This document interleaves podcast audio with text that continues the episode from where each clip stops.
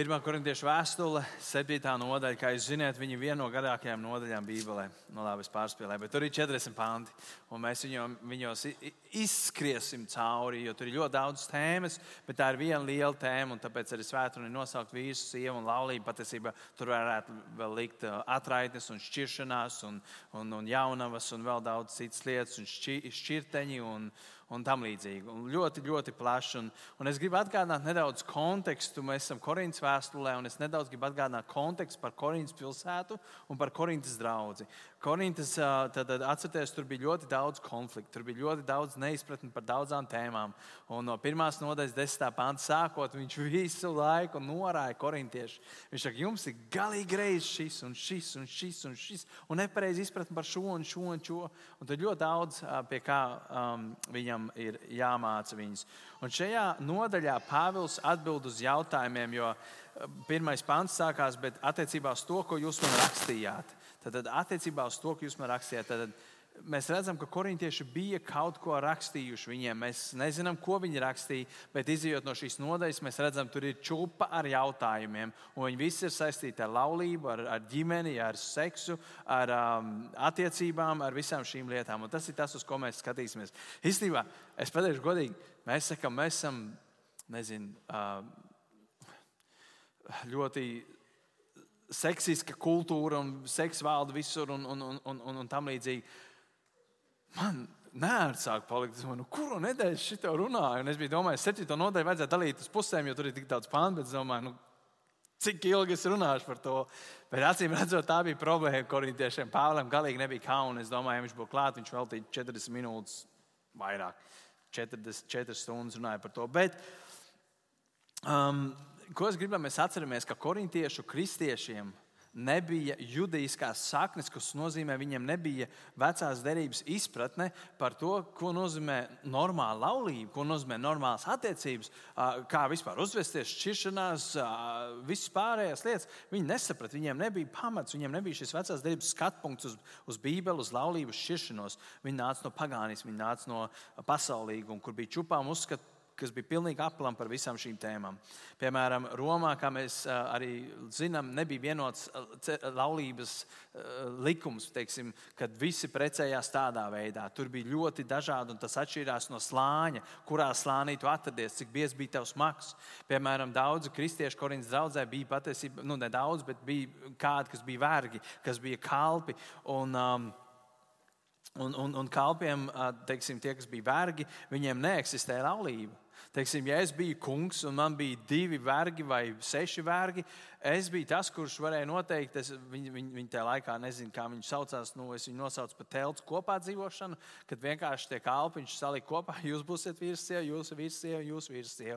Un, ja viņš gribēja pēc gada to vienu kalpu pārdot un nopirkt updateot versiju, jaunāku versiju kalpu vietā, nezinu, govs slaucē vai kādu, kas malk labāk māks kaldīt, tad viņš nopirka šagri, ka tev Andris vairs nebūs, tev Pēters būs vīrs.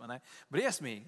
Bet tāds bija uzskats par laulību, teiksim, zemākajā slānī. Viņš neizvēlējās sev sievu, neizvēlējās neizvēlēs savu vīru, vienkārši ieved teltī, jūs dzīvosiet kopā. Nu, negribat būt vīrs, sieva, dara, ko es gribu, bet uh, tā, tā, tāda bija laulība vienam, vienam slānim. Um, savā ziņā civila laulība. Šodien to varētu nosaukt. Vienkārši cilvēki dzīvo kopā. Vienā teltī, vienā gultā, vienā, dzīvoklī, mājā. Kāda starpība? Um, bet būtībā tas, kas notika. Um, un iespējams, kāda no Korintas draudzes locekļiem bija šādi. Viņa nāca no šādas vidas. Un, un, un, un viņiem radās jautājumi, kā tad laulībā, kā tad mums uzvesties? Tad tā ir viena grupa. Um, tad bija parastie cilvēki, un uh, viņiem bija likums, kur, kur uh, vesels likums, ja pieņēmums vienalga, ka, ja tu gadu dzīvoji kopā ar cilvēku, tad jūs tikāt uzskatīti pēc gada par vīru un sievu. Es mēģināju atrast, vai Latvijā tāds likums ir. Es nevaru ieraudzīt. Varbūt ir, vēl nav. Es zinu, ka bija runāts, bet es nevaru atrast. Piedodiet, ja kāds zina, ka ir. Citās valstīs tie ir trīs gadi, citās pieci, citās septiņi, kā kurā valstī. Bet tajā laikā bija, ja tu dzīvo gadu kopā, tad tu esi vīrs un sieva. Tas bija tādā vidējiem slānim vai zemākiem slānim arī, bet ne vargiem. Un tad bija vēl viens laulība veids, kas bija, teiksim, ja kāds cilvēks bija ļoti nabadzīgs un viņam trūka naudas, tad veids, kā viņš varēja dabūt naudu, ir pārdot vienu no savām meitām pēc iespējas bagātākam vīrietim.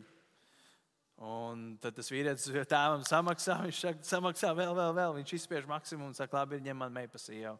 Un tad viņš atkal nodrošināts uz nākošiem pieciem, desmit nezinu, gadiem Un, bet cilvēka tā meita, viņa dabūja dzīvot tādas attiecībās, un viņai patīk tas vecais. Nezinu, visticamāk, nē, bet viņš bija bagāts. Tas bija viens veids, kā notiek laulības.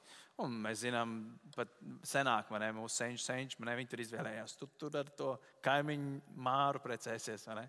Arī bija līdzīgi. Um, un tad bija augstākās klases cilvēki. Viņiem gan bija ceremonijas, līdzīgi kā mums šodien. Viņi, viņiem bija rokas savienošanas, viņiem bija solījuma došana, viņi pat lūdza lūgšanas, protams, Jupiteram un vēl kaut kādiem dieviem, ne mūsu dievam, tam līdzīgi, protams. Un, un bija gradzeni, bija vainagi un plīvuri un, un, un, un, un, un puķis un, protams, tortes. Līdz ar to es domāju, no kurienes nāk jūsu tradīcijas, kur mēs visi precamies. Tad Roma, Grieķija, Grieķija vienalga, Korints, viss tas laiks un tam līdzīgi. Um, Romiešu tradīcijas. Šķiršanās bija augsta. Uh, vergu vidū partneru māja bija pilnīgi loģiska, normāla. Ja manējā sieva, bet verdzene kungam slikti strādāja, viņš atrada labāku, un līdz ar to man arī sieva mainās. Kādā gadījumā varbūt labi, kādā slikti, bet vienkārši gribu, lai mēs saprotam kontekstu, kādā šie nodaļi tiek rakstīti. Un uh, porneja grēki šeit vārds pornēja parādās. Šis būs drīz, drīz grieķu valoda apkopuši nedaudz. Ne? Pornēja grēki bija ļoti augstā līmenī. Un, un, un romiešiem bija sievas, klausieties, kas taisīja ēst, rūpējās par māju, bet tad viņiem bija mīļākais, jeb konkubīns, ar kurām kuras apmienā viņu seksuālās vajadzības.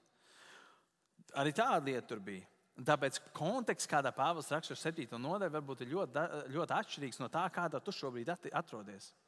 Bet iespējams, kāda ieraudzīs kaut kādas saistības ar sevi. Un tagad šie korintieši ir kļuvuši ticīgi, un viņi raksta Pāvēlam, viņi saka, Pāvēl, mēs nesaprotam, ko darīt. Es drīkstu šķirties, es drīkstu precēties, vai labāk laikam palikt ir svētam, jo nevis svētam, bet vienam, jo tur bija tāpēc, ka tāda perversija notika laulāts, nelaulāts, tur vienkārši notika milzīga seksuāla perversija. Un tāpēc viņiem pat kādiem bija iezagusies doma, ka ik pa laikam ir bijušas dažādas kustības, kur, kur uzskata, ka viss svētāk ir, ja tu paliec bez vīra vai bez sievas un es viens pats. Un tāpēc bija grupa, kas uzspieda to savu uzskatu un viedokli, un tāpēc viņiem radās ļoti daudz jautājumu. Tāpēc šo, man liekas, ka viens veids, kā skatīties uz šo nodaļu, ir atbildēt uz tiem jautājumiem, kādus potenciāli viņi varēja uzdot, izjūt no tām atbildēm, kuras Pāvils ir devis viņiem. Tad, un jautājums varētu būt, piemēram, viens ir, vai normāls fizisks attiecības starp sievieti ir nepareizas, vai viņas ir negarīgas. Tas bija viens no jautājumiem, tāpēc, ka nu, kā, seks ir slikts, bija uzskats daudz kur. Tas ir kaut kas, ne, kas nav nebija patīkams daudzās situācijās. Tāpēc jautājums, vai tas ir ok. Un tad lasām pirmais pāns. Bet attiecībā uz to, ko jūs man rakstījāt, cilvēkam labi sievu neaizskat. Lab, kāds varbūt padomāja, ja šī sieva, tad es drīkstu viņai pieskarties, pamakstīt vai nedrīkst. Runā par to kontekstuāli, viennozīmīgi tur runāja par seksuālu pieskaršanos, par seksu, fiziskām attiecībām. To, ko jūs man rakstījāt, cilvēkiem labi sieva neaizskat. Celibāts ir laba lieta. Būt vienam ir labi. Tas ir labi. Tā ir cienījama lieta. Ir ok neprecēties. Tas ir ok palikt vienam. Bet otrais pāns. Bet netiklības, un tur ir grieķu vārds pornēja, bet pornēja novēršanas labā, lai katram vīram ir sava sieva un katrai sievai savs vīrs. Un redziet, ja mēs skatītos ļoti šauri un skatītos uz to, ko Pāvils atbild, mēs, protams, nezinām, kādu konkrētu jautājumu viņi uzdeva viņam, kāpēc viņš atbild tā, kā viņš atbild. Bet šeit mēs varētu teikt, tā, kad jāprecās ir nevis tāpēc, ka tev patīk tā meitene vai nepatīk tā meitene vai tas vīrs, bet netiklības novēršanas labā, lai tu nedzīvo grēkā. Lai tev nebūtu jādzīvo šajos dažādos pornēji grēkos, tāpēc ir svarīgi, ka katram sievai ir savs vīrs un katram vīram ir sava sieva. Tad palikt vienam ir labi. Bet, ja tas ir par pamatu tavam seksuālam dzīvesveidam, ka tu ķipa esi labāk izvēlējies palikt viens, bet tu dzīvo briesmīgos grēkos, pornogrāfija, masturbācija, iekāre, varbūt uh, neregulāras seksuālas attiecības ar kādu vienu vai vairākām sievietēm, nu nē, tas nav normāli. Un tāpēc katram vīram un katrai sievai ir savs vīrs. Jo tas pamatnoteikums patiesībā ir ļoti vienkāršs. Precies! Tu vari precēties. Bet iemesls tam šajā konkrētajā kontekstā ir netiklība un kārdinājumi. Tad laulība ir labāka, ja tu esi viens pats, kas rezultējas milzīgos pārbaudījumos, kārdinājumos, kurus tu vienkārši nespēj izturēt un tu visu laiku krīt cauri. Tad labāk ir doties laulībā. Un, labi, un es šovakar ļoti daudz teikšu par to. Labāk ir doties laulībā, labāk ir doties laulībā. Un arī, ka Pāvils to saka, ir tāda sajūta, ka man stāv trīs sievas. Labi, sievas varētu dabūt vieglāk, bet ka sievietēm stāv trīs vīri rindā. Un viņi ciešās, ciešās, ciešās. Un tad, kad nu, galīgi es nevaru izturēt, nu labi, ir Variants numur viens nāca, tad kļūst man vīrs. Un, ja viņš saka, nē, tad es ņemu otru un trešo. Tāda sajūta ir. Viņš saka, nu tad precies. Un tad, kad es skatos uz mūsu jauniešiem, es zinu, ka tad, kad mēs dibinājām draugu, um, oh, mēs krāsojām sienas un to darījām. Es diezgan daudz dabūju no tām jaunajām jauniešu meitenēm, klausīties, cik ļoti viņas grib precēties. Un es jau teicu, vienreiz, kad viņi bija atstājuši datoru iestādi konkrēti meiteni, un tur bija četras lapas atvērtas, un visās lapās bija kaut kas. Vienā bija teikrakls, es meklēju vīru, otrā bija vēl tur kaut kāds vienkārši smieklāts. Tas viss kārtībā. Vienkārši es redzu, ka mūsu jaunieši ļoti labprāt gribētu precēties. Ja viņi paklausīja tam, ko es saku, tad mums ļoti iespējams šovakar varētu būt kāzas vairākas. Bet uh, viņi vēl vienkārši nav izvēlējušies. Viņi jau sadalījuši, kur kurš ņems. Starp citu, uh, patīk, to viens mācītājs stāstīja. Viņš teica, ka Krievijā tā dara, kad notiek diakonis. Zini, kā parasti saka cilvēki, kad tu precēsies. Nu, nezinu, tur pēc gada. Um, pēc gada man tu zini, kas notiks līdz tam. Un, uh, viņš saka, nāciet. Um, pēc diakalpojuma. Kurš grib precēties? Un tie, kas ir, grib precēties, viņi nāk priekšā. Un, man ne, reku puķis ir, man ne, un, Un labi, ēdienas mums varbūt nav, bet tortu līdzi pasūtīsim, kamēr dievkalpojums nav beidzies vēl. Un uztaisīt ceremoniju un apprecēs, nav problēmas. Un, un tā, tā kā viena lieta, ko mēs varētu darīt, arī kurš grib precēties, un nāciet lūdzu priekšā. Tikai bija interesanti, ka viens mācītājs Amerikā, kā stāstīja Makārturs, man kad uh, viņš uh, aicināja, lūdzu, nāciet priekšā, kas grib precēties. Un tad tur iznāca trīs vecpuļi un 42 vecmeitas. Uh, Viņš teica, nē, nē, nē nāciet priekšā, kad jūs zinat jau savu partneri, pirms jūs izvēlaties. Tad pagriežās otrādi. Šito, nē, šito, jā. Bet vienkārši es gribu, lai jūs saprotat to kontekstu, kad Pāvils teiks, nu tad precies. Bet tas nav tik vienkārši. Tas izklausās ļoti vienkārši, bet tas mūsdienās nav tik vienkārši. Um, Pāvils trešajā pāntā lasām. Vīrs, lai izpildītu savu pienākumu pret savu sievu, un sieva, lai izpildītu savu pienākumu pret savu vīru. Un šeit, šeit viennozīmīgi viena tēma, kas šeit parādās, ir tieši seksuālā, lai daudziem seks likās pretīgs. Viss tā iepriekšējā dzīve, laulības pārkāpšana bija visur. Un kāda teica, zini, ko? Labāk nedaram absolūti neko. Un laika gaitā um, īpaši sievietes, un es pat esmu lasījis kādas grāmatas par to, ka bija visādas grupas. Ik pa laikam kāda sieviete uztaisīja grupu, kuras bija viennozīmīgi. Ja kustība, biedrība, kuras bija pret attiecībām uh, ar vīriešiem. Tāpēc tas bija kaut kas slikts un pretīgs, un kā kurā laikā, kā jau teicu, man.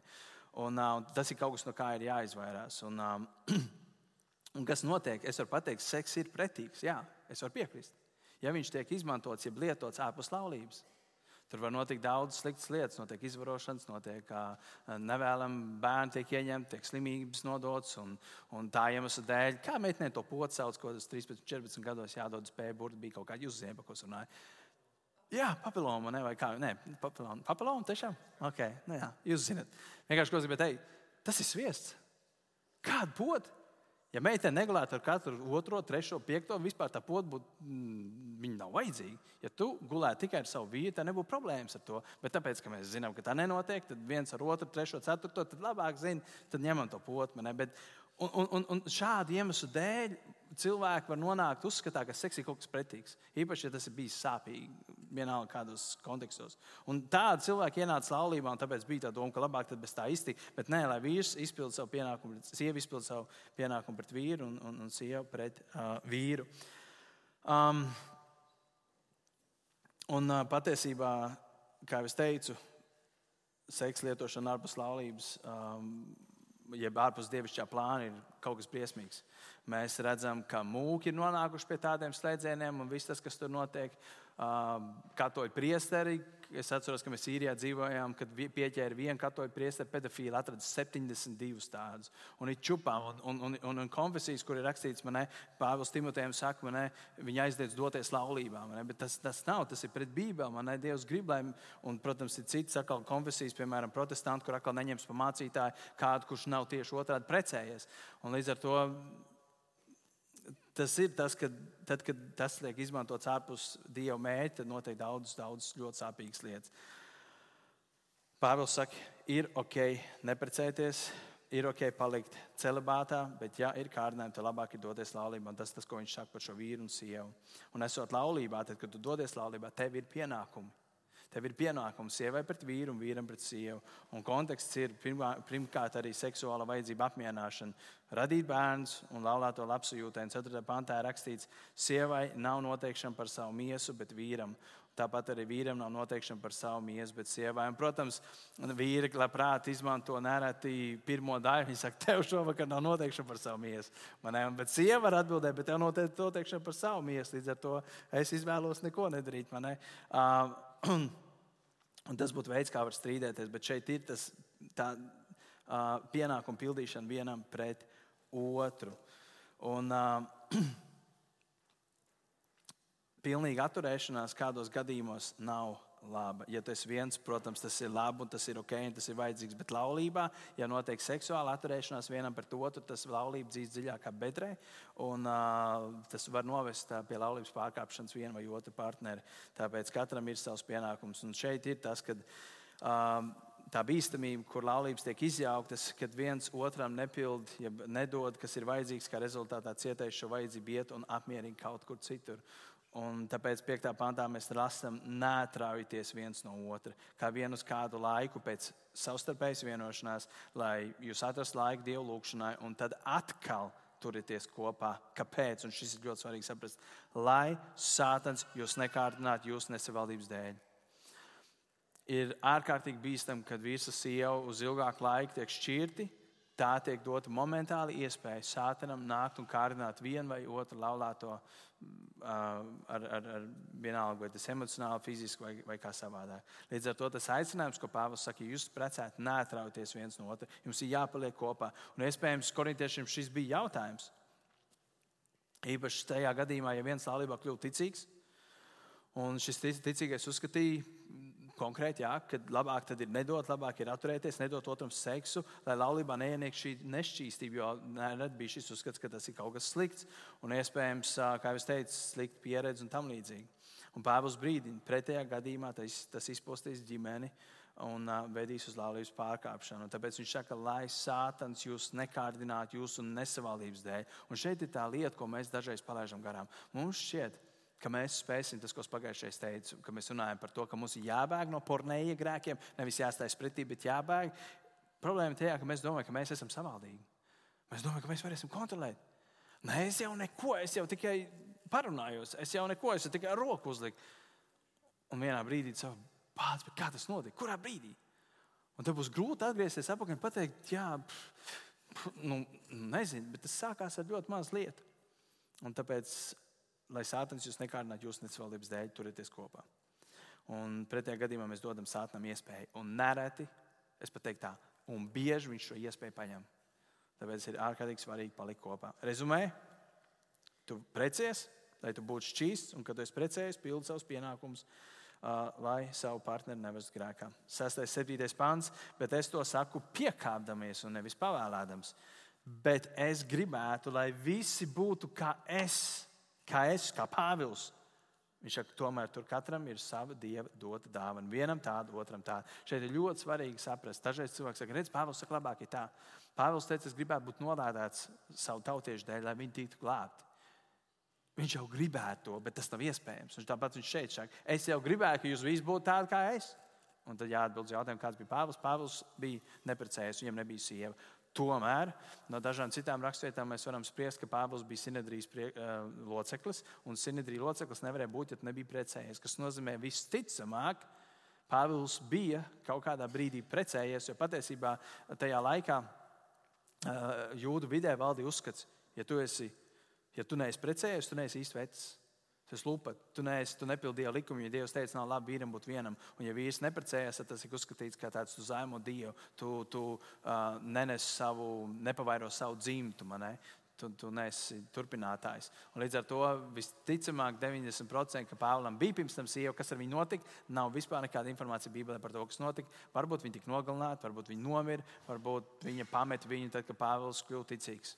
Mēs nezinām. Tas būtībā nebūtu svarīgi, bet vienkārši šajā brīdī, kad Pāvils runā, viņš ir šķirts. Un patiesībā tas ir viens. Un patiesībā, ja ir tā, ka Pāvēlam pirms tam bija sieva un tagad nav sieva, viņš ir vislabākais piemērs, ja vispiemērs, bet Rīgas, caur kuru Dievs varētu rakstīt šo vēstuli, kur viņš adresē šo vēstuli gan precētiem, gan neprecētiem, gan šķirtiem, atraitnēm un tam līdzīgi. Jo viņš zināja, kā ir būt abos gadījumos. Um, es gribu izlasīt um, 32. pāntu, bet es gribu, ka jūs būtu bez zudīšanās, neprecētais rūpēs par tā kunga lietām, kā patikt tam kungam. Un šis ir tas, ko viņš saka, tas iet bišķiņ kopā ar to, ko viņš teica. Es gribu, lai jūs visi būtu tā kā es, tāpēc, ka ja jūs būsiet vieni, jūs varēsiet gādāt un rūpēties par tām kunga lietām, bet ja jūs nebūsiet vieni, jums būs citas atbildes tam līdzīgi. Bet pēc tā pēc brīža, tad ir savi plusi būt vienam pie nosacījuma, ka tev ir šī dāvana no Dieva, un to ļoti svarīgi nepalaist garām. Savā ziņā tā nav mana izvēle būt precētam vai mana izvēle palikt vienam. Tā ir Dieva dot dāvana. Vienam tāda, otram tāda. Celibāts, ja tā var teikt, ir dieva dāvana. Es gribu izlasīt no Mateja evanģēlīja 19. nodaļas vienkārši vienu stāstu. Jūs viņu zinat, lai jūs saprastu. Mateja 19. no 9. panta sākot. Mateja 19. no 9. panta līdz 12.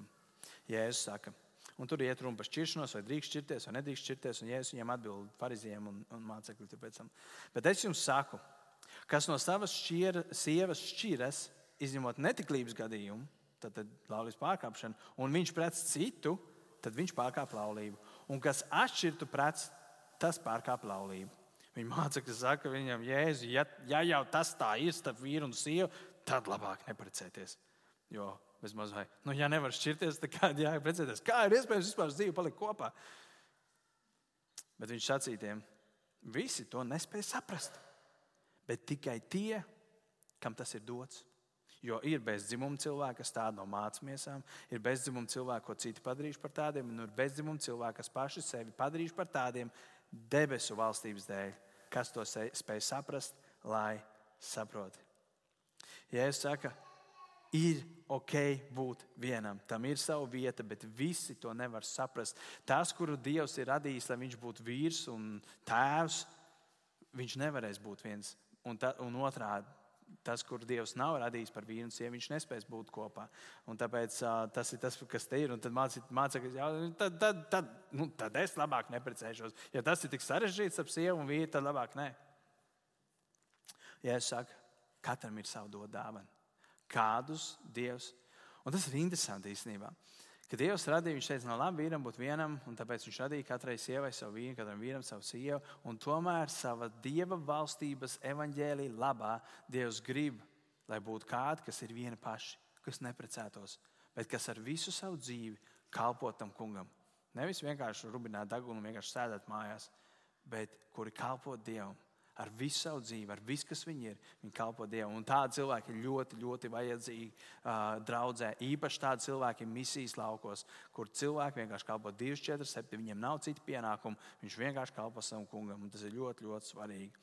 Un, un, un, un jautājums, protams, kādiem noteikti rodās šajā brīdī, īpaši jauniešiem, varbūt, kā zināt, vai tev ir šī būt vienam dāvana? Kā zināt, ka tu esi tas, kur Dievs ir izredzējis, ka tu, tu esi viens, tu nebūsi ar vīru un sievu? Un viens veids, es domāju, kā to atpazīt, ir tad, kad tev ir milzīga vēlme kalpot tam kungam, un maza vai niecīga vēlme, vai pilnīgi nekāda vēlme. Teiksim, uz seksuālām attiecībām vai uz pretējo pusīti.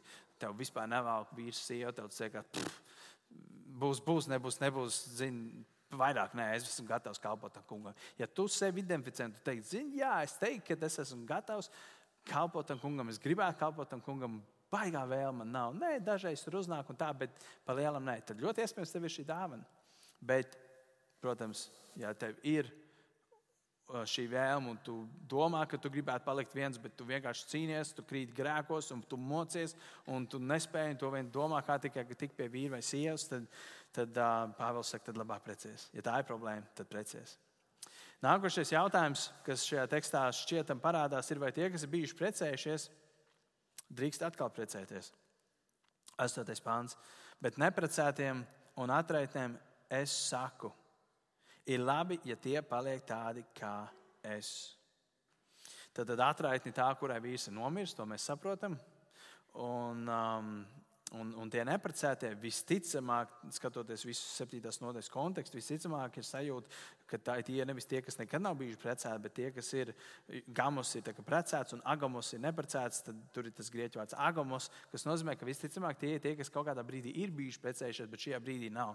Vienalga kāda apsvēruma dēļ, bet viņš nav atraitni vai viņi nav atraitni. Um, līdz ar to tas tā ir tā grupa, ko es gribēju, mēs paturam prātā. Jo jaunavas pat tām būs pašās beigās tie, kas vēl nekad nav bijuši attiecībās. Līdz ar to visticamāk šie ir tie, kas kādreiz bijuši šķīrušies. Uh, 11. pantā ir rakstīts, un ja tā ir atšķīrusies, uh, jā, tas ir 11. pantā, jā, un ja tā ir atšķīrusies, lai, lai, tad lai tā, nē, tad tai palikt neprecētai vai izlīgt ar savu vīru. Tad šeit parādās šī neprecētā, ir atsevišķa grupa, kas ir neprecētai, tā, kas ir atšķīrusies no vīra. Um, de, devītais pāns, esam tālāk. Bet, ja tie nevar atturēties, tad lai dodas laulībā. Tie neprecētie un atraitnes konteksts, 8. pāns, neprecētie atraitnes. Ja tie nevar atturēties, tad lai dodas laulībā. Jo labāk, klausieties, ļoti svarīgi saprast, jo labāk, labāk ir doties laulībā, nekā kaist kārībā, degt kārībā, ka tev ir šis kārdinājums un tu mocies un cīnies. Tad labāk ir doties laulībā nekā krist šajās kārībās un visos grēkos, kas ar to nāk. Redziet, tad, kad Dievs aicina kādu cilvēku un šeit es gribu arī, lai mēs saprotam, ja Dievs tevi ir, piemēram, izredzējis būt, ka tu būsi viens kalpos tam kungam, Tas nav tā, ka tev būs tādas cīņas, ka tu mocīsies un cīnīsies un, un pa sienām skraidīsi, un nezinās, ko likties kārdinājuma dēļ. Tas tā nebūs. Dievs paņems nostās lietas, kad tu spēsi koncentrēties uz Dieva valstības um, izplatīšanu. 26. un 28. pāntā ir rakstīts, tā man šķiet, ka tagadējā bēdu laikā cilvēkiem ir labi palikt tādam, tāpat Labi palikt tāpat. Ja esi jau saistījies ar sievu, nemeklē šķiršanos, ja esi bez sievas, nemeklē sievu. Tie ir tie jautājumi, kas nodarbināja korintiešus. Un um, šie divi sestajām pāntām mēs redzam, ja esi saistījies ar sievu, nemeklē šķiršanos, ja esi bez sievas, nemeklē sievu. Um, un šeit ir visu laiku šī cīņa. Ko man darīt?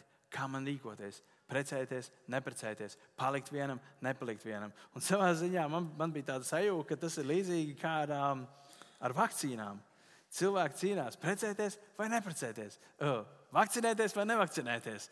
Un viņi, un, un, kurš ir labāks, kurš ir sliktāks? Viņi cīnās. Un tas pats bija šeit par dzīvi celibātā vai dzīvi laulībā. Kurš ir labāks, kurš ir svētāks, kurš ir garīgāks? Ir ok, abi. Ir ok, abi. Ja Dievs tev ir aicinājis vienu, dara tā, ja Dievs tev nav aicinājis otru, tad, tad nedara tā. Abi ir ok. Tad, kad tu būsi viens, tev būs savas problēmas. Bet, tad, kad tu dodies laulībā, tev nāks sievas problēmas, vīra problēmas, bērnu problēmas, kaimiņu problēmas, jo bērni ādās un vēl visādas citas problēmas. Bet, tad, kad tu esi viens, tev nav problēmas. Tā kā, ja tu esi cilvēks, kurš diezgan slikti risina problēmas, varbūt tas ir viens iemesls, ka tev jāpaliek vienam, lai būtu mazāk problēmas. Un vēl viens jautājums, kas šajā tekstā parādās, ir, kādas ir alternatīvas tiem cilvēkiem, kas ir precējušies, kas jau ir precējušies. Jo viens no piemēriem varētu būt, ja viens no ģimenes, piemēram, ir neticīga, neticīga ģimene, un viens kļūst ticīgs. Un sanāk, ka tagad tev ir jādzīvo kopā ar neticīgo sievu vai neticīgo vīru. Un tad tagad vai sanāk, ka es tagad velku svešu jūgu kopā ar to, ko man nevajadzētu vilkt, vai es tagad dzīvoju kopā ar sātena bērnu. Es Dieva bērns tagad eju vakarā gulēt ar sātena bērnu. Nu, nu, ko, tu jau uz ēles, uz debesīm. Vai, vai tas tā ir? Un, um, tas bija viens no jautājumiem. Un Jēzus mācīja, nešķirties, nešķirties. Un tad viņi prasa, Pāvils, vai ir citi varianti? Desmitajā pantā Pāvils saka, bet laulātiem es pavēlu, tomēr ne es, bet tas kungs, sievai nešķirties no vīra. Dievs ienīst šķiršanos. Dievs ienīst šķiršanos. Bībelē rakstīts, ko Dievs ir savienos, tad cilvēkiem nebūs šķirt. Un, un tie farizēji teica, bet kā? Mūsu taču ir atļaus mums šķirties. Viņš saka, mm -hmm, viņš atļaus šķirties, tāpēc, ka jūs cietsirdīgi esat.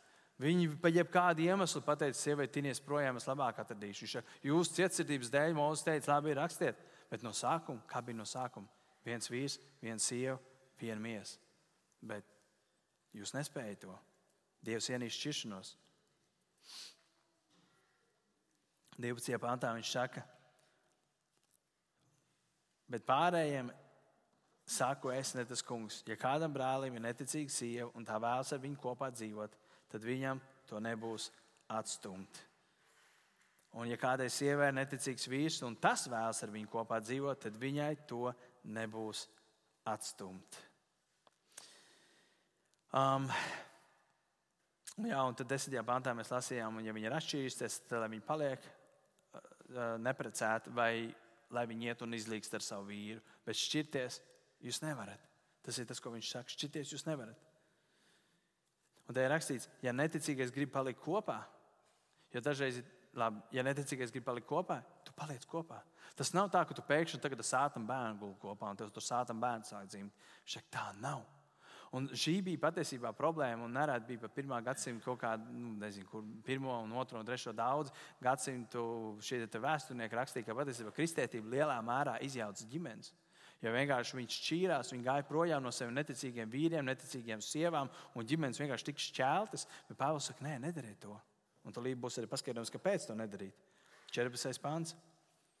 Jo neticīgais vīrs ir svētīts caur ticīgo sievu, un neticīgā sieva, jeb vai neticīgā sieva ir svētīta caur ticīgo vīru. Jo citādi jūs bērni būtu nešķīsti, bet tie ir svēti. Viņi ir svēti. Mēs dažreiz domājam, kā tad ir, kurš kur, kurš kur ietekmē. Un dažādās situācijās būtu dažādas atbildes, bet konkrēti laulības kontekstā nav tā, ka neticīgais vīrs pavēl, un viss tagad sātam bērnu tev dzims. Nu, piedodiet, es saku burtiski, lai jūs saprotiet, tā nav.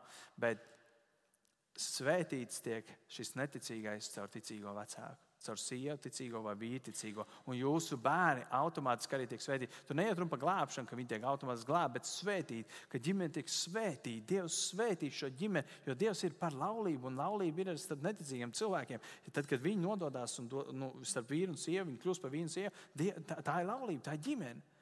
Un, un Dievs svētī arī bērns, kas pēc tam sako. 15. pāns. Ja neticīgais šķiras, lai tas šķiras. Tādā gadījumā brālis vai māsa nav saistīti, jeb vairs nav šī laulība derīga, jo uz mieru Dievs mūs ir aicinājis. Un šis pants atklāja otro iemeslu, un jā, pēdējo otro iemeslu, kādēļ var šķirties un atkal precēties. Ja jūs atceraties Mata evanģēlijā, turpat, tur, kur mēs lasījām, ir 5. pantā, bija rakstīts, ka iemesls, kad var šķirties, ir pie laulības pārkāpšanas. Ja, teiksim, tu esi bijis ticīgs, un otra pusē ir pārkāpta laulība, ne, tas būtu būt it kā pieņemams. Un tomēr viņš saka, labāk palikt neprecētam, bet tas būtu pieņēmums, ok, tad tas būtu saprotami, jo tas ir pārkāpts laulība, šī laulība tiek, un, un, un teiksim, tas būtu iemesls. Un otrs iemesls ir šis 15. pantā, kur rakstīts, ja neticīgais cilvēks, teiksim, ir ģimene, kurā divi cilvēki nepazīst Dievu, un pēkšņi viens iepazīst Dievu, viņš kļūst ticīgs, un, un šis otrs pasakā, es es tev vairs nepazīstu. Es vienkārši mainījos. Tas kaut kāds nezinu, reliģisks fanātiķis palicis. Es vairs negribu tevi dzīvot kopā. Tu vispār esi galēcīgs palicis. Tu tikai svētdienās esi baznīca un tam līdzīgi. Es vienkārši negribu tevi redzēt. Viņš tev pamet un aiziet projām. Viņš saka, ok, lai viņš iet projām. Jo uz mieru Dievs mūs ir aicinājis. Um, 16. pāntā ir rakstīts, kā tu sievas zini, vai varēsi izglābt savu vīru, jeb kā tu vīrs zini, vai varēs izglābt savu sievu. Un šeit ir viena lieta, ko mēs bieži vien palaidām garām. Īpaši jaunieši. Mēs domājam, ka laulība ir evanģelizācijas rīks. Es atgriezīšu to vīru, es atgriezīšu to sievu. Pāvils saka, kā tu zini? Un tas ir tas stulbākais, ka mēs varam noticēt sāpēm meliem, ka būs labi, jo bībeliski, ja mēs skatāmies un patīk man uh, svēt un klausīties. Būdīs runāja par to, kādai jābūt attiecībām starp vīru un sievu, bībeliski, ja kādai jābūt, kā, kā, uz kādu puisi meitenei jāskatās. Jo tā tendence ir tāda, ka viņi kritīsies. Ja viņš nav ticīgs, vai viņa nav ticīga, viņa nelasa Dieva vārdu, jūs nedarat tās lietas kopā, mēs vienmēr domājam, ka nu, ar gadiem jau viņš to sāks darīt. Tendence ir, ar gadiem viņš sāks mazāk to darīt. Un mēs sākam draudzēties ar cilvēku, ar kuru mums nevajadzētu draudzēties, un mēs aprecamies ar to cilvēku, ar kuru bībeliski mēs teiktu, nu, nevajag tev to darīt.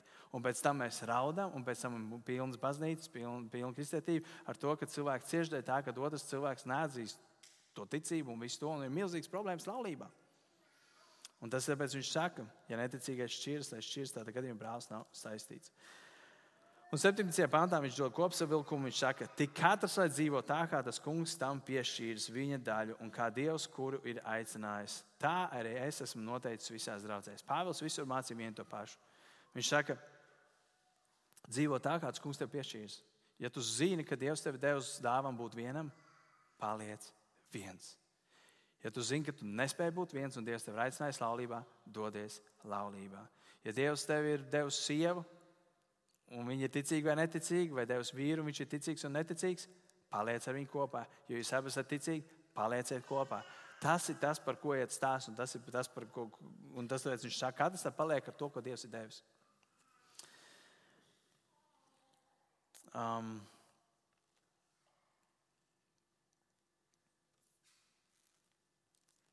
Un tad ir jautājums, ko darīt precētiem, vai nešķirties, ko darīt atraitnēm, precēties vai palikt vienām. Un, un, un, un tie ir tie jautājumi, kuriem ap, apskatījāmies. Un pēdējā tāda lielā tēma, ko Pāvils skatās, ir jaunavas.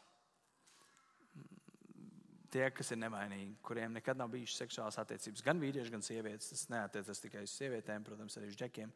25. pāntā mēs lasām, ka Bet, e, bet kas attiecas uz jaunumām, tur man nav mūsu kunga pavēles. Es izsaku tikai savas domas, kā tāds, kam tas kungs piešķīris savā žēlstībā uzticību. Tad viņš runās tagad par jaunumām. Un es gribu, lai mēs pirms ejam iekšā par jaunumām, es gribu, lai mēs atkal saprotam kontekstu šajā vēstulē. Vide, kurā atrodas šī draudzene, ir neķītra, perversa pasaule. Un iespējams, kāda tēva, kur paši pirms tam bija nešķīsti, netikli un, un, un perversi, viņi zina, ko viņi darīja jaunamām meitenēm, kad viņi bija, un, un tagad viņam pašam ir jaunā. Tagad viņam pašam ir meita, kur vēl nepazīst vīra, um, un, un viņi tagad domā, ko darīt. Viņi grib pasargāt viņus. Viņš, viņi negrib, ka viņi vienkārši dodas laulībā un viņi kļūst par, nezinu, konkubīnu vai sievu, kas tikai taisa ēst un vāc māju, un tad viņš tur iet guļ pie citas un tam līdzīgi. Viņi gribēja pasargāt. 26. pāns. Tā man šķiet, ka tagadējā bēdu laikā ir cilvēkam labi palikt tāpat. Konteksts ir jaunavs. Ja tu esi jaunavs, tāpēc, kad ir reāli grūti laiki, Pāvils saka, labāk paliec viena vai viens. Un šeit ir uzskats man tas bēdu laiks. Un tas, ko mēs zinām kontekstā, tur plus mīnus 20 gadus vēlāk nāca milzīgas vajāšanas Un jūs, kas esat viena, jūs zinat, nu, es nezinu, kurš ir viens. Regu, Hendijs aizmugurē viens. Jā, sākās milzīgas vajāšanas. Viņš savā volviķī iemet somu, ātri paņem zeķi, kaut ko kēloks iemet un vienkārši nesās uz mežu, vienkārši bēg. Mums ir liena jāsavāc mantas, mums ir jāsavāc bērni, tam līdzīgi izbraucam, ne, kur ir nehemijas. Ah, nehemijas mājas paliks, skrienam pakaļ bērnam. Ne. Mums ir par ko daudz uztraukties. Ja tu esi viens, tu beidz par savu dzīvību, bet man jāuztraucas par četrām dzīvībām vēl. Un viņš saka, bēdu laikā ņemot, un es saku, tajā laikā nāca vajāšanas. Viņš saka, labāk tad jums palikt vienam, lai jūs neredzētu, jo ir briesmīgi uh, redzēt, kad nogalina tavu sievu, uh, nogalina tavus bērnus, vai nogalina tavu vīru, vai spīdzina, lai tu atteiktos no kaut kā vai vēl kaut kā. Tāpēc labāk ir būt vienam. Nogalina tev, nogalina, uh, bet tev nav jācieš. Par, par tam līdzīgi. Vienkārši es jūs gribu saudzēt. Um, Un, kas ir interesanti, es izlasīšu pirmā pantā, viņš saka, ka cilvēkiem ir labi sieva neaizskart. Astotā pantā viņš saka, ka neprecētiem atraitēm ir labi, ja tie paliek tādi kā es. Un šeit divas sastāvdaļas viņš saka, ir labi cilvēkam palikt tāpat, kā viņš jau ir. Un 28. pāns, 27. ja esi jau saistījies ar sievu, nemeklē šķiršanos, ja esi bez sievas, nemeklē sievu. Bet, ja tu arī dodies laulībā, klausieties, tas nav grēks, ja jaunā dodas. Un, ja jaunā dodas laulībā, tā negrēko. Tādiem savas miesas bēdas gan būs. Bet es jūs gribu saudzēt. Viņš saka, un ziniet, laulība ir grūta. Jūs piekritīsiet, kā man sadzīvot kopā ar um, sievu, kur domā pilnīgi savādāk nekā tu? Sadzīvot kopā ar vīru, kurš ir cūka. Un nemāc savus zeķus smirdīgās un viss atstāj. Es nezinu, mums tā nav, jo mums ir, es, es nesaku par sevi, bet par jums. bet tā, ir ārkārtīgi grūti sadzīvot kopā, un tas nav viegli. Un ziniet, kāpēc daudz cilvēku iztur bišķiņu? Divus gadus, trīs gadus. Tāpēc, ka vieglāk ir bez. Vieglāk ir bez. Bet gribās taču to otru cilvēku. Negribas būt vienam pašam. Un te ir tā, tā cīņa, kur ir, ne, kas notiek. Un tāpēc viņš saka, um, ja tā dodas laulībā, tas nav grēks. Un, ja viņi ja jau nav dodas laulībā, tā negrēko, bet viņiem būs savas bēdas, problēmas būt. Un viņš saka, es gribu jūs saudzēt. Viņš saka, pieņemsim, ka viņam bija sieva pirms tam. Viņš saka, es jums no pieredzes saku, es zinu, kā ir, kad ir sieva, labāk ir tāpat palikt. Tā varētu būt. Viņš saka, es zinu, es, Es varu darīt, ko es gribu. Es braucu uz Korintu, es braucu uz Efezu, es braucu uz Galēju. Es vienkārši to daru kā divi draugi. Ja man būtu sieva, es nevarētu to darīt. Labi, tagad kā teiks, ah, tu to noteikti domā, tagad negribētu sievu. Es vēl vienreiz saku, tas nav par to, ko es gribētu vai es negribētu. Es gribu, lai mēs visu pašu galveno, ja mēs paliekam garam, paturam prātā to, ka Dievs katram ir devis katram savu dāvanu. Man Dievs ir devis būt vīram un tēvam. Un tu, kas esi arī ģimenes cilvēks, arī tev to pašu devis. Jūs, kas esat vēl viena, jums vēl ir šī iespēja. Un starp citu, viena lieta, ko es gribu pateikt jauniešiem Un to es teikšu no savas pieredzes. Um, tad, kad es biju viens pats, un tas ir tas stulbais sabiedrības spiediens, ka tev vajag attiecības nenormāli ātri. Un tad, kad es aizbraucu 8 gados zīrī, un tam līdzīgi gājām uz klubiem, un tusējām visu laiku, man, un visu laiku domāju, un es jau stāstīju, kā man bija, kad zīrijā bija. Man, es gāju, saprotu, ka okay, vajag meiteni no baznīcas, bet tur tā vienīgā šabona tikai ir. Un es visu laiku skatos, es domāju, tiešām man tev visu laiku būs jāprecās. Tāds stulbs sajūta bija. Man liekas, ticīgi meitene, es gribētu, bet kuras latviešu meitene ir jādabūšu, un es pa klubiem nē, un tad es sāku rakstīt kaut kādos portālos. Jā, es arī to esmu darījis. Man ir satikot latviešu meitenes, viņas ieraudzīja, oh, vispār kāpēc es uzrakstīju. Visādas pieredzes bijušas. Man pat Jānis vienā bija līdzi, viņš man aizved, man vajadzēja šoferi, kurš man aizved. Viss kaut kas ir bijis. Un vienkārši tas uzskats bija tāds, ka tev to vajag. Un tu visu laiku dzīvo to jauniešu dzīvi, ka tu esi viens pats. Kad tik man būs sieva, kad tik man būs sieva, kad tik man būs sieva. Un tu nevari izbaudīt to brīdi, kamēr tu esi viens pats. Kalpot Dievam, darīt to, ko tu vari. Tāpēc, ja tu esi jaunietis, izbaudi to brīdi. Un jūs pat teiksiet, tu to sāki varbūt tāpēc, ka tev nepatīk ģimene. Nē, man nenormāli patīk ģimene. Es vienmēr gribēju ģimeni, es vienmēr gribēju dēls, es vienmēr esmu gribējis to. Es gribēju, ka es varu būt tēvs, ka man var būt sievas, to es gribēju. Un es esmu nenormāli laimīgs. Bet es vienkārši gribu teikt to, ka nevajag rauties pēc tā, tāpēc, ka Dievam ir savs laiks, kad Viņš dos tev to. Un, ja Dievs tev pēc laika noņems no šo vēlmu, tad varbūt būs priecīgs, ka tu nebūsi devies attiecībās, nebūs sačakrējis, un tu varēsi kalpot Dievam ar to, ko Dievs tev ir devis. Um, 29. līdz 31. pāns, bet to brāļi es saku, laiks ir īs. Tur, tādēļ turpmāk precētā, lai ir kā neprecēta, kas raud, kā tāda, kas neraud, un kas priecājas, kā tāda, kas nepriecājas, un kas pērk, kā tāda, kas to negrib paturēt, un kas šo pasauli lieto kā tādi, kas to nelieto un gausties, jo šīs pasaules kārība paiet. Tas, ko Pāvils grib pateikt, vienalga. Precēts, neprecēts, jaunava, viens, vienalga kāds tu esi. Es gribu, lai jūs paturētu pašu galveno fokusu, jo šīs pasaules kārība paiet. Mēs domājam, mēs dzīvosim laulībā, mēs tur baudīsim, darīsim to. Es dzīvošu viens pats, darīšu to. Viņš saka, es gribu, lai jūs fokusu, savus dzīves fokusu paturiet uz Jēzus Kristu. Viens vai precējies, lai tava dzīve būtu uz Jēzus Kristus. Tas ir tas, kas ir galvenais. Lai tu skatītos uz Jēzu, lai tavas vērtības būtu mūžības vērtības, lai tu dzīvotu skatu uz, uz mūžību. Tad, kad tu esi precējies, tad tu ar sievu domā, ka tu vari kalpot Dievam, kā tu ar bērniem vari kalpot Dievam. Tad, kad tu esi viens, ka tu nevis domā, o, super, viens pats, laikam man tā vienīgā dāvana, vai apceļošu pasauli. Kāda jēga no tā? Nē, nu var jau, ok. Nu, Es varu teikt, godīgi, īstenībā tagad astoņi kā var apskatīties, ja tev ir liels ekrāns, pabraukā pie jebkuras pasaules vietas. Nav slikti un pavēlti. Līdz ar to, na, ja tu esi viens, kā tur kalpot Dievam?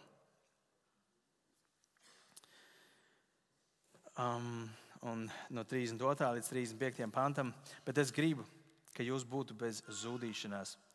Neprecētais rūpējās par tā kunga lietām, kā patikt tam kungam, un tā vajag, tev vajag patikt tam kungam. Bet precētais rūpējās par pasaules lietām, kā patikt sievai, un viņas sirds ir dalīta. Ja es būtu Pāvils, es teiktu, ka sievas rūpējas ļoti daudz, kā patikt saviem vīriem. Um, bija pušķēšanās un tam līdzīgi. Es nepucējos un tam līdzīgi, bet ne par to es stāstu. Te ir rakstīts, ka precētais rūpējas par pasaules lietām, kā izpatikt savai otrai pusītei. Un, un saka, ka tava sirds ir dalīta. Bet es gribu jums pateikt vienu lietu. Tad, kad es lasu tekstu, tava sirds ir dalīta, man vienmēr tas nāk ar negatīvu pieskaņu, ka tas ir kaut kas slikts. Bet šajā kontekstā tas nav nekas slikts. Viņš saka, ka tavs sirds vienkārši būs dalīta, jo tev būs pienākumi pret savu sievu, pret savu vīru, pret saviem bērniem. Un kāds varbūt teiks, es esmu laulībā, es negribu, lai man sirds ir dalīta, es gribu kalpot tikai kungam, un viņi atmetīs ģimeni. Tā nedrīkst. Viņš saka, tev ir tavu pienākumu pret savu ģimeni, pret savu sievu, pret saviem bērniem. Tu nevari viņus atstāt. Un, un, un tāpēc te ir tas, ko viņš rak, raksta. Um, 36. pāns. Bet, ja, kā, kam, ja kādam vīram, tēvam šķiet, ka tas nodara pārestību savai jaunavai, jaunavai, ja viņai paliek pāri daudz gadi, un ja tam tā jānotiek, lai viņš dara, kā grib, viņš negrēko lai tie iedodas laulībā. Tad, tad es gribu teikt, to, ka bija kāda tēva, kur bija devuši solījumu. Es savu meitu paglabāšu nevainīgu. Viņa nekad neprecēsies. Es viņu pasargāšu no šiem trakiem vīriem, no tiem, kuriem vajadzīga sieva un konkubīna numur viens un konkubīna numur divi. Es pasargāšu viņu. Es negribu, ka viņi ir samaitāti, ka viņai jācieš no vīriešiem. Viņi bija apņēmušies viņu pat ar uh, solījumiem, ka viņi paturēs šķīstu un nevainīgu. Bet problēma notika tajā brīdī, kad šī jaunā meitene, kur teica, Jā, tētī, tu būsi mans princis, tu būsi mans varonis. Viņa pieauga, viņai palika 16, gadu, 18 gadu. Viņai teica, vairs nav vajadzīgs. Ir vajadzīgs, bet viņai ir šī vēlme. Viņa sāk sapņot uz princi, baltā zirgā, kurš atnāks un izglābs no viņa ģimenes un aizdīs projām uz laimīgo zemi. Un viņa sāk sapņot, viņa saka, es gribētu, ka būtu. Un tur parādās kāds skaists jauneklis, viņiem viņš patīk, viņi saprot, ka tēta, es gribu precēties, un radās problēma. Solījums tika dots, A, ko darīt? Un te ir tas konteksts, vienkārši lai jūs saprastu. 37. 8. pāns. Bet kas ir noteikts savā sirdī? Un kam nav vajadzības, bet ir pietiekoši gribas spēka, un viņš sirdī ir apņēmies, nolēmis paturēt savu jauno neprecēt, tas dara labi. Tātad, kas savu jauno izprec, dara labi, bet kas neizprec, dara labāk. Vienmēr saku, Pāvils saka, pat ja tu esi devis solījumu, pat ja tur ir visas šīs lietas, viņš saka, ir labi, ja tu vari paturēt savu jaunāvu, ļoti labi. Viņi varēs kalpot tam kungam, nodoties tam kungam, bet, ja arī viņi dodas laulībā, tas nav grēks. Ir ok, ir ok. Jo tēviem bija satraukšies. Viņi domā, varbūt es esmu lupat. Es Dievam teicu solījumu, un, un tā man meita tik ļoti grib precēties. Ko man darīt? Pāvils, saka man, Pāvils ir ok. Bet, ja tas devs solījumu, ir ok, lai viņi ieprecēties. Lai viņi precēs. Abi varianti ir ok. Un pēdējie divi panti. Sieva ir saistīta, kamēr viņas vīrs dzīvo, bet, ja vīrs ir miris, tad viņa ir brīva un var apprecēties ar ko vēlas. Un, un tagad es izlasīšu, bet es gribu, ziniet, daudz cilvēku, jā, jā, sapratu, vairs nelas tālāk. Jo tur ir ļoti, ļoti svarīga piebilde. Cilvēki lasa, ah, mans vīrs nomira, jā, vai mans sieva nomira. Man apstāties, ar ko vēlas. Uf, super! Es viņu vienmēr gribēju, bet ar vienu ļoti svarīgu piebildi. Bet tikai turoties pie tā kunga, nu, latviešu tekstā tas ir. Bet tā doma ir tikai, ja tas otrs cilvēks ir ticīgs. Oh, tu uzreiz saraksts nokrīt, vai ne? Jo ticīgi, cik daudz ticīgiem, ne? Un tas ir ārkārtīgi svarīgi. Un te ir tā lieta, nē, nē, es atgriezīšu viņu. Viņš kļūst ticīgs. Atkal evanģelizēšu, man ir muļķības. Ja sanāk slavu Dievam, bet tā laulība nav evanģelizācijas rīks, kurā to izmēģināt. Bet tikai turoties pie tā kunga.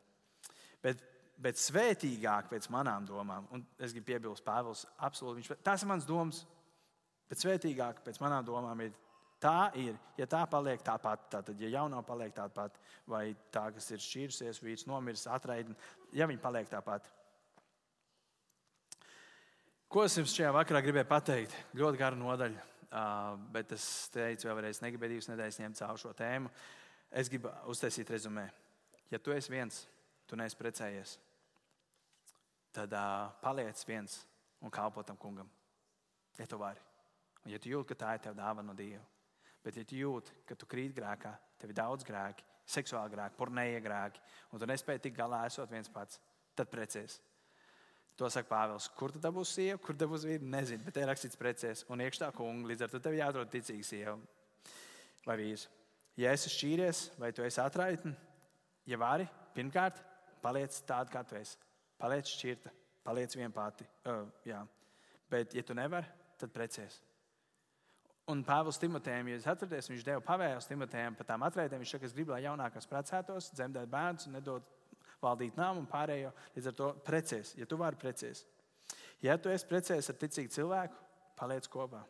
Nu, protams, loģiski. Ja tu esi precējies ar neticīgu cilvēku, un viņš grib palikt ar tevi kopā, viņš grib ar tevi dzīvot, super. Paliec kopā, paliec tajā laulībā. Pat ja viņš būs neticīgs visu atlikušo dzīvi.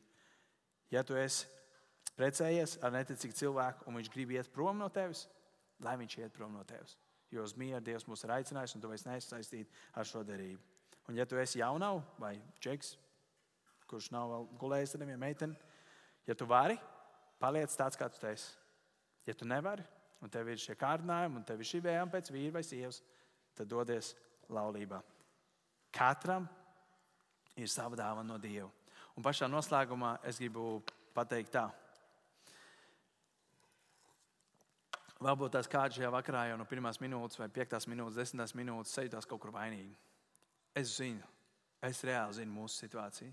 Es zinu daudz jūsu stāstus. Es zinu, kur notikuši laulības pārkāpšanas, zinu, kur notikuši krāpšanas, zinu, kur ir pirmā sieva, otrā sieva, trešā sieva, vai trešais vīrs, vai ceturtais vīrs. Nezinu, vienkārši zinu, ka tādi, ja mēs šeit teiktu, tādi, kuri no kuriem pirmais seks bija tikai ar vīru un sievu, un, un viņi tādi kopā līdz šai dienai, tādi ir ļoti maz. Es nezinu, varbūt nav neviens, varbūt ir, nezinu. Bet realitāte tāda, ka mūsu pasaule ir tāda, kāda mēs esam. Mēs esam ļoti salauzti cilvēki. Realitāte fakts.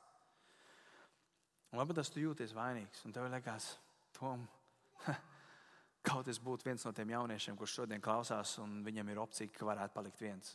Es esmu sačakarējis, to man dzīve vienkārši pilna grēkiem. Es nezinu, kur gala sākt. Es gribu, lai mēs atceramies vienu lietu. Um, es atceros, kad es biju jauns, es lasīju grāmatu, kas saucās Otrā nevainība. Varbūt kāds jaunietis ir gulējis ar meitenēm vai džekiem un domā, es jau esmu pakāpis, es neesmu svēts, neesmu vairs jaunau. Tu vari to nožēlot, nest to Dievu priekšā. Dievs tev to visu var piedot, darīt jaunu. Un tu vari uzticīgi no šīs dienas gaidīt līdz savam vīram vai savai sievai. Un tieši tāpat ja tev dzīve ir um, vienkārši problēmas, šķiršanās bijušas vispārējas, un tev bijuši vairāk vīri, vairāk sievietes, vienalga. Tu vari to nožēlot. Šodien, pēdējās dziesmas laikā, tu vari to nožēlot, nes Dievu priekšā un teikt Dievam, Dievs, tu redz. Tas, kas mēs lasījām šodien, es vienkārši krītu cauri visur. Ja mēs atzīstamies savos grēkos, Dievs ir uzticīgs un taisnīgs. Viņš šķīsta un piedod mums visus grēkus. Visu. Arī pornēja grēkus. Viņš var piedot tev. Ja tas esi tu šajā vakarā, un tu jūties nospiest par to, ka tev nav tā, kā būtu jābūt, tu neesi dzīvojis pēc šiem pāvila norādījumiem, bet tu vari to nožēlot. Tā ir tā žēlstība, dzīvot žēlstības laikmatā, ka mēs varam nožēlot. Pat ja mums reāli šī tēma ir sāpīga, mēs to varam nožēlot. Dievs mums uzšķīstīt.